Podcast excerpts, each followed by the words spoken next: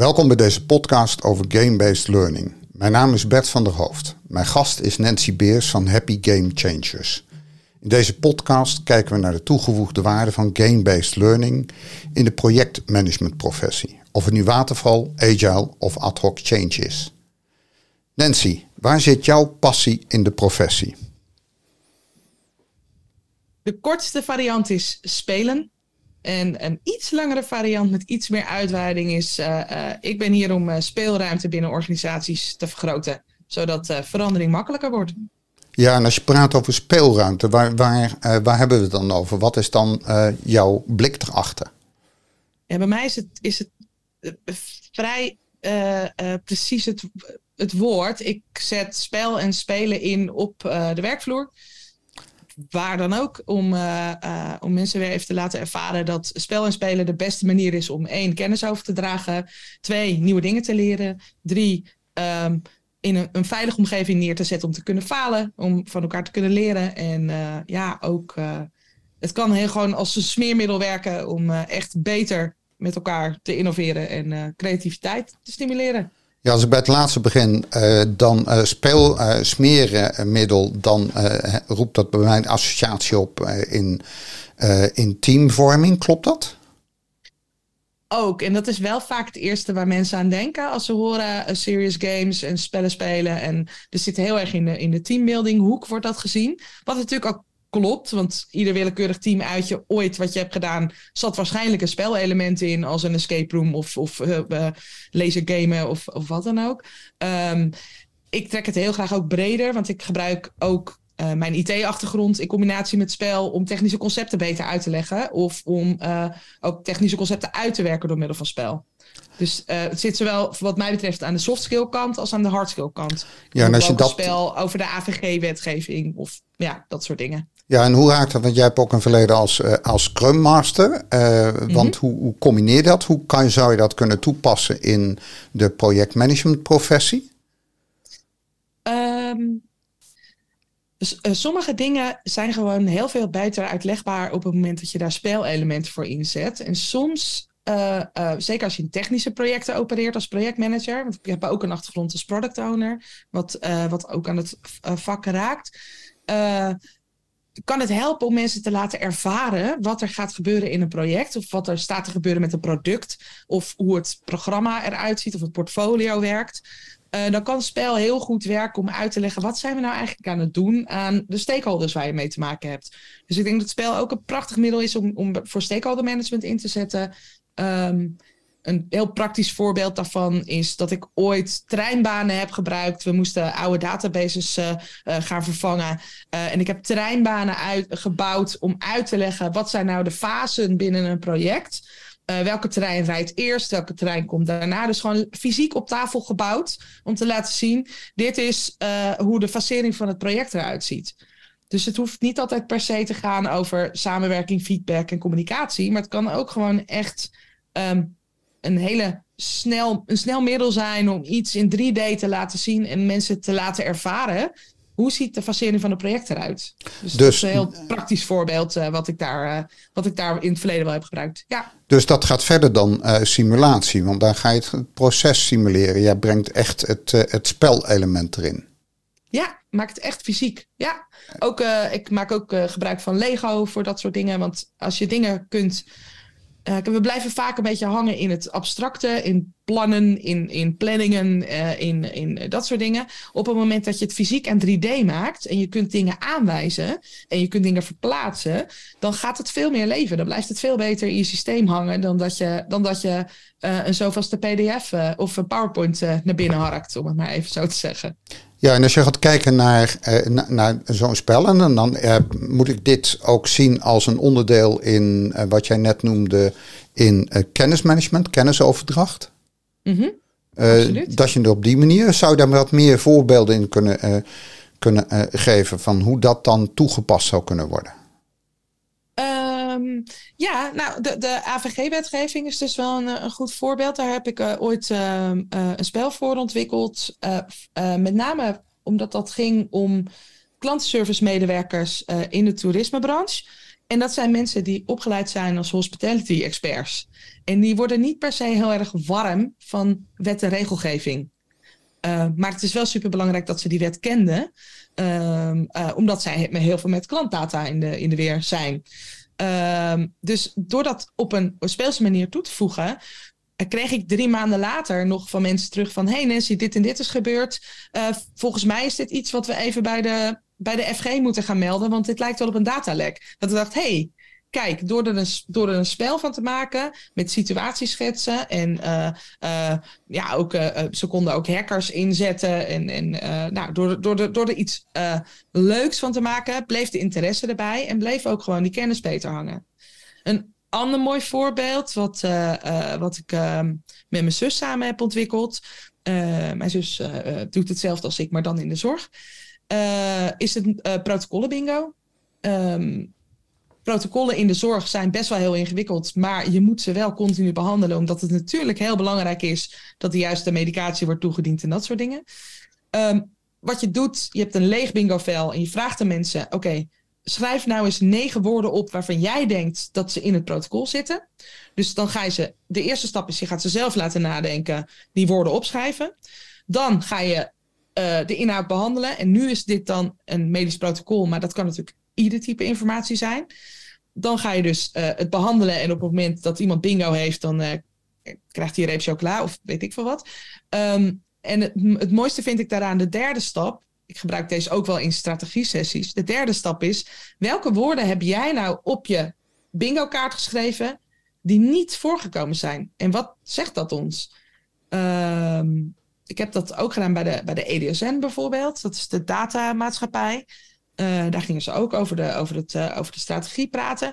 En er kwamen dus woorden uh, uit de zaal, uit het publiek, van hé, hey, maar ik heb hier ook de eindgebruiker staan, maar die hoor ik niet in de strategie terug. Waardoor je ook meteen in een soort drietrapsraket de dialoog start over, oké, wij hebben daar niet aan gedacht, bij jullie leeft dit wel. wat kunnen we hiermee, wat moeten we hiermee? Dus het is op die manier ook, je maakt vrij stoffige inhoud, maak je levend. En uh, uh, je start er een dialoog mee, liever dan dat je, dan dat je weer een PowerPoint loopt te zenden, zeg maar. Uh, en dat iedereen op zo'n horloge zit te kijken wanneer is die klaar, weet je wel. Ja, le leuke kleurtjes. Een van de dingen die mij persoonlijk raakt is jouw, jou, jouw bingo. We hebben niet die vorm destijds gedaan, maar ik heb ooit een programma geleid waarin we eigenlijk onze teams vroegen wat zijn de gouden regels. En uh, één team kwam met het woord kwetsbaarheid. Hadden we zelf als managementteam niet bedacht. Niet aan gedacht, nee. Uh, uh, klopt. En dat bleek namelijk het, het winnende feit te zijn, wat ervoor zorgde dat mensen eigenlijk ook de zwakte durven te delen. En jij, jij noemde er straks ook leren. Hè? Daar zit, zit falen in. Zou je dat wat kunnen toelichten? Ja, uh, een van de dingen die ik uh, twee jaar terug heb geleerd toen ik de opleiding ludodidactiek deed, speeldidactiek is dat, is dat spelen helemaal niet gaat over lol en leuk. Spelen gaat over frustratie en falen. En dat was voor mij echt een eye-opener. Dat ik dacht van, oh, zo had ik er nooit tegen aangekeken. Um, ik weet niet of je wel eens, uh, of je wel eens een puber hebt zien uh, gamen op een PlayStation of iets. Dat ziet er niet echt uit alsof ze heel veel plezier hebben. Dat ziet eruit als, als, als heel veel frustratie, boosheid en, en, en dat soort dingen. Er komt van alles los aan emoties. Heeft niet zoveel met lol te maken. En dat is ook de grap. Want de, de grap van een spel spelen is dat je obstakels overwint. Dus, en dat gaat meestal niet de eerste keer. En dat kan echt. Uh, nou, ik heb een moeder die zwaar verslaafd aan Candy Crush. Die, die kijkt er ook niet altijd blij mee als ze 15 keer zo'n level opnieuw moet doen. Maar ze blijft het wel opnieuw doen. Uh, en de, de, de repetitie die daarin zit, dat is gewoon iedere keer dus in, op een veilige manier falen. Dus iedere keer en, en het net weer niet halen en potverdikke me, maar je wordt wel steeds een stukje beter.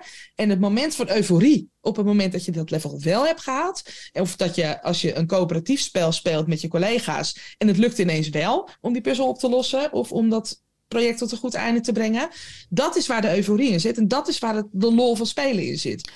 Um, dus het gaat eerst om falen en, en beter worden. Dus het gaat ook om uh, uh, autonoom steeds een stapje verder te komen in je proces. En dan te slagen en uh, nou ja, hopelijk met z'n allen of uh, ja. En dan komt pas het plezier. Dus ja, ik vind het, dat was voor mij een heel mooi inzicht. Dat ik dacht, oh verrek ja, het spelen gaat dus helemaal niet over de lol. Dat lol is bijvangst. Lol is aan het eind. het gaat eerst over veilig falen en veilig op je bek gaan. En binnen een, binnen ja, je, maakt je, je, maakt met elkaar, je stelt met elkaar kaders vast waarbinnen je gewoon eventjes kunt experimenteren. En dus letterlijk, waar ik mee begon, die speelruimte op kunt rekken met elkaar. Ja, dat herken ik ook vanuit mijn innovatieverleden. Van dat als je geen uh, experimenteerruimte hebt, dan uh, weet je, dan kan je nooit weten wat niet werkt. En dat is hoe de echte innovator werkt. Wat, wat wel in jouw voorbeeld mij raakt is, hè, van, uh, heb je wel eens een, uh, een puber gezien achter een game? Ja, dan, dan dacht ik meteen, heb je ons wel eens gezien achter een risk-spel? Uh, ah, ja, ja, het, het, het verschil is, natuurlijk... niet zo gezellig. nee, maar het verschil is van dat, dat in het laatste dat het natuurlijk gaat om de persoonlijke winst. In jouw uitleg gaat het om de gezamenlijke winst. Nou, er zijn het, het mooie aan, aan, uh, aan uh, spelformats is dat je allerlei verschillende soorten spellen hebt. als je een escape room bekijkt, bijvoorbeeld, wat de meeste mensen inmiddels wel een keertje hebben gedaan, denk ik. Een escape room is een prachtig voorbeeld van een coöperatief spel. Je speelt met z'n allen tegen de kamer. Uh, of tegen de, de, de deur waar je uit moet zien te komen.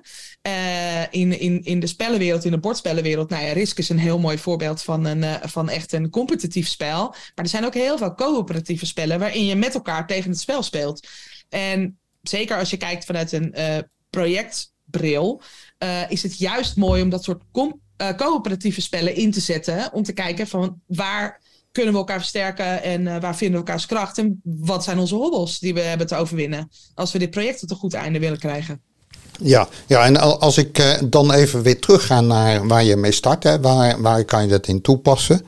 Dan uit mijn verandermanagement verleden van uh, omarming meteen wat je zei van ja, de aanleiding is vaak een spelletje. Kan je iets met een spelletje met ons team doen?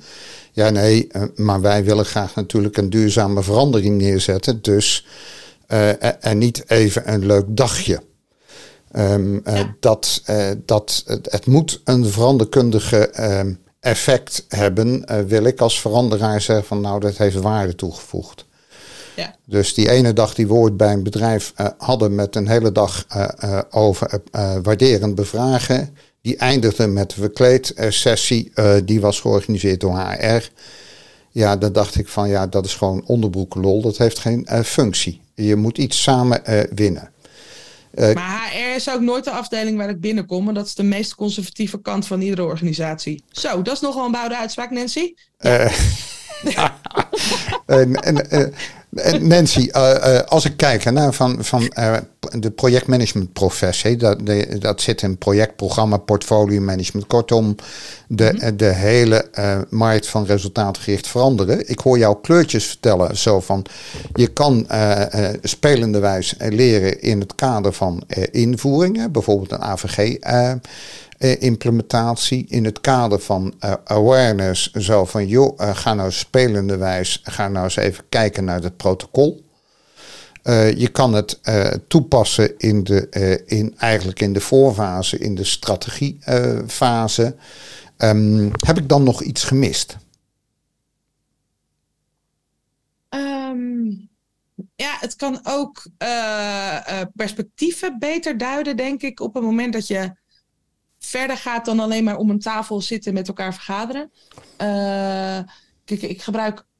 Spelen is voor mij, wat ik al eerder uh, aangaf, een heel breed begrip. Want muziek maken is spelen, theater maken is spelen. Maar voor mij valt bijvoorbeeld ook uh, visualiseren daaronder. Dus, dus tekeningen maken. Dus gewoon letterlijk tekenen. En dan roepen mensen al heel snel: ja, ik kan niet tekenen. Dat is prima, iedereen kan tekenen. Komt goed. op het moment dat je ook andere delen in je hersens aanzet, dan kom je ook gewoon tot andere inzichten. Uh, en ook uh, als je in een groep mensen zit, dan uh, op het moment dat ik vraag beschrijf een blauwe kast, dan, dan kun je zo'n kast beschrijven. Nou, hij heeft twee deurtjes en drie lades en ronde pootjes. Noem maar even wat. Op het moment dat je, dat je het tekent, is dat beeld eenduidig. Want iedereen ziet hetzelfde plaatje. Ervan uitgaande dat, dat het zicht goed is. Dus ga, kijk ook. we, zijn, we zijn zo uh, taalgericht uh, vaak in projectmanagement. Kijk daar ook eens met een andere bril naar en ga eens andere dingen inzetten om, uh, om nieuwe perspectieven te, te ontdekken binnen je project. het zou je wel eens kunnen verrassen wat er als we praten over het proces of het project, dan hebben we, doen we snel aannames over dat, dat we dat allemaal op dezelfde manier zien. Maar zodra je vier mensen of twee mensen in één kamer zet, heb je twee verschillende perspectieven te pakken. Dus ook daar spel en spelen of speelse werkvormen inzetten om vanuit meerdere kanten ditzelfde uh, ding uh, uh, te beschouwen. Ik denk dat dat ook gewoon heel, heel veel helpt en heel veel communicatieruis weg gaat nemen. Dat herken ik uh, Nancy in mijn eigen ervaring. Ik heb er een, een team van projectmanagers bij een waterleidingbedrijf heb ik begeleid. En die heb ik gevraagd joh, maak een schets, een krabbelschets hebben we dat genoemd. De expert zou zeggen, dat is een rich picture van Peter Jackland. Nee, een krabbelschets. uh, maak eens een beeld van wat, hoe de toekomst eruit ziet. En, en vervolgens van hoe ziet die nu eruit. want dan heb je, en dat zou ik even willen vasthouden en onderstrepen in jouw betoog dan heb je datgene beet wat in de beeldvorming essentieel is en wat de dialoog opwekt. Uh, want het gaat helemaal niet om die tekening. het gaat niet om het product. en als dan iemand langskomt van maar zo'n tekening, die kunnen we ook door een cartoonist laten maken. Nee, dat is een andere interventie. Ja. misschien dat, dat onze tekeningen als input voor een cartoonist maken omdat je het wil communiceren, maar dat heeft niet dezelfde niet waarde en. Um, goed, we zitten nu op iets meer dan 15 minuten. Um, en ik zou eigenlijk willen overgaan tot een afronding, want hier is veel meer over te vertellen. En we zien je ook graag terug in onze projectmanagement uh, community.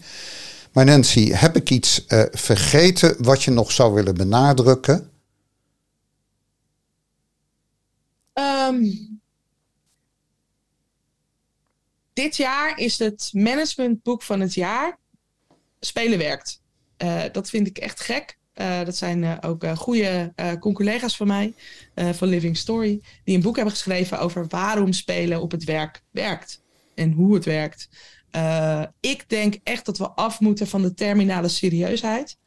dat we moeten stoppen met alles maar willen vangen in Excel-sheets en, en documenten. En laten we alsjeblieft meer speelruimte gaan pakken.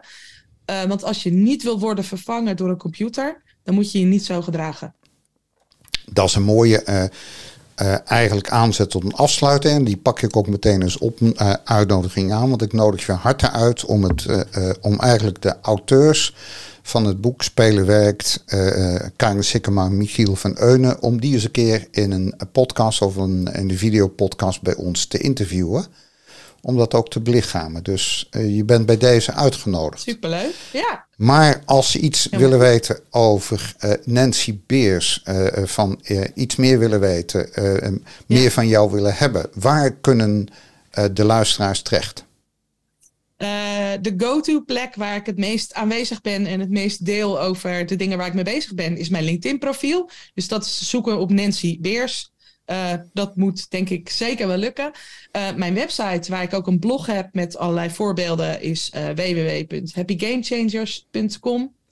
En eens per jaar, het is nu net geweest, maar eens per jaar organiseer ik Play in Business. Uh, een evenement wat helemaal in de teken staat van spelen op de werkvloer. Vanuit alle hoeken en gaten. Uh, afgelopen maand uh, heeft dat plaatsgevonden met bijvoorbeeld Erik Scherder, de, de neuropsycholoog, neurowetenschapper. Die zei: Er is geen betere manier om je brein fit te houden dan spelen. Dus ook de wetenschap is aan mijn kant. Mooi. Dus, en dat is playinbusiness.nl. Ja, en voor de luisteraars, die staan natuurlijk in de, in de tekst onder deze podcast de links. Nancy, ja. mag ik jou hartelijk bedanken. En ik zou zeggen, we zien je graag terug in uh, een podcast, een artikel of een, video bij ons. Dank je voor uh, deze podcast. Bedankt voor, me, voor dat ik, me, dat ik bleh, gast mocht zijn. Dank je.